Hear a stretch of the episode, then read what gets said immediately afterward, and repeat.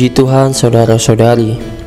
Kampus meeting kita minggu ini membahas tentang bersidang bagian 1 Saudara-saudari Gereja adalah jemaat yang dipanggil Allah keluar dari dunia. Maka sudah seharusnya sering bersidang. Sudah seharusnya bersidang.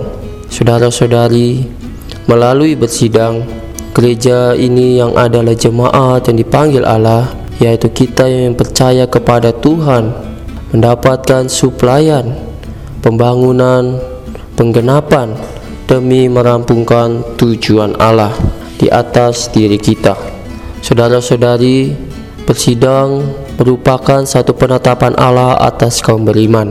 Di dalam Ibrani pasal 10 ayat 25, janganlah kita menjauhkan diri dari pertemuan-pertemuan ibadah kita sendiri pertemuan-pertemuan ibadah kita sendiri mengacu kepada sidang-sidang Kristiani kita. Saudara-saudari di alam semesta ini, Allah telah menetapkan cara keberadaan semua makhluk hidup. Penetapan Allah ini merupakan hukum yang membuat makhluk makhluk itu makhluk yang bersangkutan bisa hidup dan penetapan Allah yang merupakan hukum ini juga di dalamnya ada berkat Allah. Saudara-saudari, penetapan Allah yang menjadi hukum keberadaan dan berkat bagi kita adalah bersidang. Seperti air terhadap ikan, udara terhadap burung, gitulah sidang-sidang terhadap orang Kristen, orang-orang yang percaya kepada Tuhan. Saudara-saudari, seperti yang kita ketahui, ikan harus hidup di dalam air burung terbang di udara. Demikian pula orang Kristen, orang-orang yang percaya kepada Tuhan, melestarikan keberadaan dan hidup rohaninya melalui bersidang. Saudara-saudari, bersidang merupakan tuntutan hayat rohani kita. Seperti yang dikatakan di dalam Yohanes pasal 10 ayat 16. Ada lagi padaku domba-domba lain yang bukan dari kandang ini. Domba-domba itu harus kutuntun juga dan mereka akan mendengarkan suaraku dan mereka akan menjadi satu kawanan dengan satu gembala. Saudara-saudari di dalam Yohanes pasal 10 ayat 16 ini ada dua frase yang sangat penting. Frase yang pertama yaitu domba-domba. Frase yang kedua yaitu satu kawanan domba. Saudara-saudari, hayat yang diterima oleh kaum beriman atau orang yang percaya kepada Tuhan adalah hayat Allah. Hayat Allah sekarang sudah di dalam kita. Hayat Allah yang sudah di dalam kita ini juga memiliki berbagai ciri khas. Salah satu ciri khas dari hayat rohani kita ialah berhimpun bersama atau bersidang. Saudara-saudari di dalam Yohanes pasal 10 ayat 3 dan 16 memperlihatkan kepada kita semua bahwa sejak beroleh selamat kita menjadi domba-domba Tuhan. Saudara-saudari yang seperti kita ketahui semua bahwa ciri khas dari hidup domba adalah berkumpul menjadi satu kawanan domba. Saudara-saudari ketika satu domba keluar dari kawanan dombanya maka domba itu dalam satu bahaya di dalam domba itu penuh dengan kekhawatiran. Di domba itu penuh dengan kecemasan. Karena domba ini tidak di dalam satu kawanan, maka dia bisa diserang oleh serigala. Saudara-saudari, itulah sebabnya Alkitab tidak hanya menyebut kita domba Tuhan, tetapi lebih-lebih menyebut kita kawanan dombanya. Saudari begitu pun dengan kita Kiranya kita sebagai domba-domba Tuhan ini terus tinggal di dalam perhimpunan atau tinggal dalam bersidang, tidak meninggalkan sidang-sidang gereja. Jika kita meninggalkan sidang-sidang gereja atau meninggalkan perhimpunan gereja, maka kita seperti domba yang satu ini yang keluar dari kawanan domba. Di dalamnya penuh dengan bahaya, di dalamnya penuh dengan kekhawatiran, di dalamnya penuh dengan kecemasan. Kiranya kita terus tetap berada di dalam kawanan domba. Kiranya kita terus tetap tinggal dalam perhimpunan gereja, di dalam sidang-sidang gereja. Saudara-saudari, Jika kita tinggal di dalam perhimpunan gereja, kita tidak meninggalkan sidang-sidang gereja, maka kita akan menjadi damai. Jika kita tetap tinggal dalam sidang-sidang gereja, maka di dalamnya hanya ada damai sejahtera. Maka di dalamnya hanya ada sukacita. Di dalamnya penuh dengan suplayan hayat Allah. Di dalamnya cuma hanya ada pembangunan rohani. Kiranya saudara-saudari di masa muda kita, di sepanjang hidup kita, kita tidak meninggalkan sidang-sidang gereja, melainkan kita tetap menghadiri atau tinggal di dalam perhimpunan atau sidang-sidang gereja, sehingga Allah yang menjadi suplai hayat di dalam kita bisa terus tersusun di atas setiap diri kita.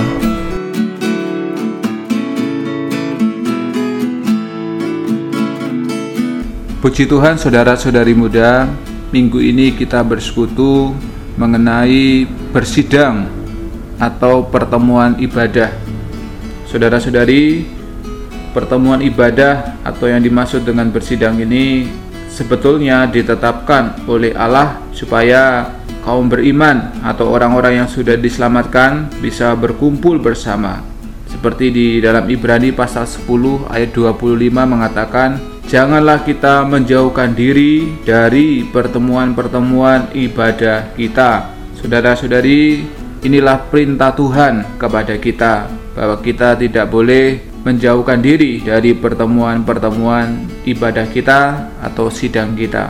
Saudara-saudari, sidang itu sangat penting bagi kita orang percaya. Sebab di dalam Matius pasal 18 ayat 20 mengatakan Sebab di mana dua atau tiga orang berkumpul dalam namaku, di situ aku ada di tengah-tengah mereka. Di sini Tuhan khusus berjanji bila dua atau tiga orang berkumpul di dalam namanya, di dalam nama Tuhan, yaitu mereka bersidang di dalam namanya, ia pasti ada di tengah-tengah mereka.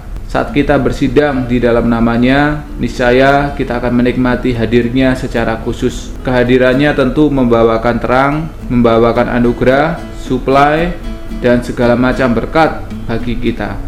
Kemudian di dalam Lukas pasal 24 ayat 33 sampai 36 saya akan membacakan Lalu bangkitlah mereka dan terus kembali ke Yerusalem.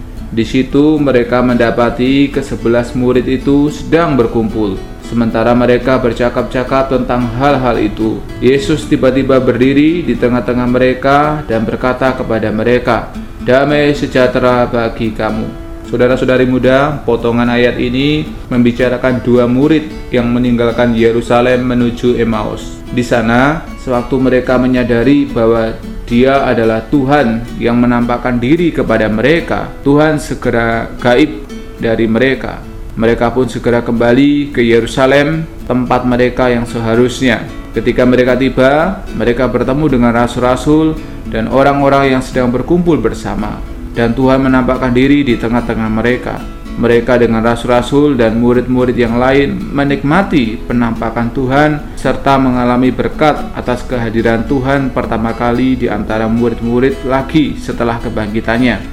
Ini juga membuktikan pentingnya bersidang bagi kaum beriman.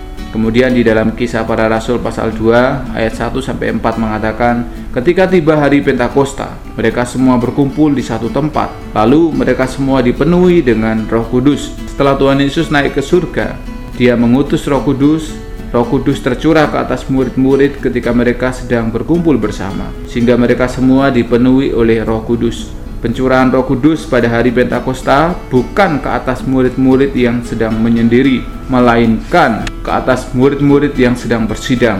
Mereka yang tidak hadir pada sidang tersebut, mereka kehilangan berkat yang tercurah dari surga yang tak pernah terjadi sebelumnya. Sekali lagi, ini memperlihatkan kepada kita pentingnya bersidang. Kemudian di dalam Ibrani pasal 10 ayat 24 sampai 25 juga mengatakan, "Marilah kita saling memperhatikan supaya kita saling mendorong di dalam kasih dan dalam perbuatan baik. Janganlah kita menjauhkan diri dari pertemuan-pertemuan ibadah kita, tetapi marilah kita saling menasihati, terlebih lagi sementara kamu melihat hari Tuhan semakin mendekat." Saudara-saudari muda, di sini menunjukkan kepada kita bahwa bersidang dapat menyebabkan kita saling memperhatikan untuk saling mendorong dalam kasih dan saling menasihati dalam perbuatan baik. Bersidang tentunya membuat kita mempunyai persekutuan rohani dengan kaum saleh lainnya. Kita juga akan menerima suplai hayat daripada mereka. Karena itu, janganlah kita menjauhkan diri dari bersidang. Apalagi kita tahu Tuhan akan segera datang kembali. Puji Tuhan, saudara-saudari, Semoga kita semua setelah mendengar persekutuan ini. Kita damba, kita rajin bersidang.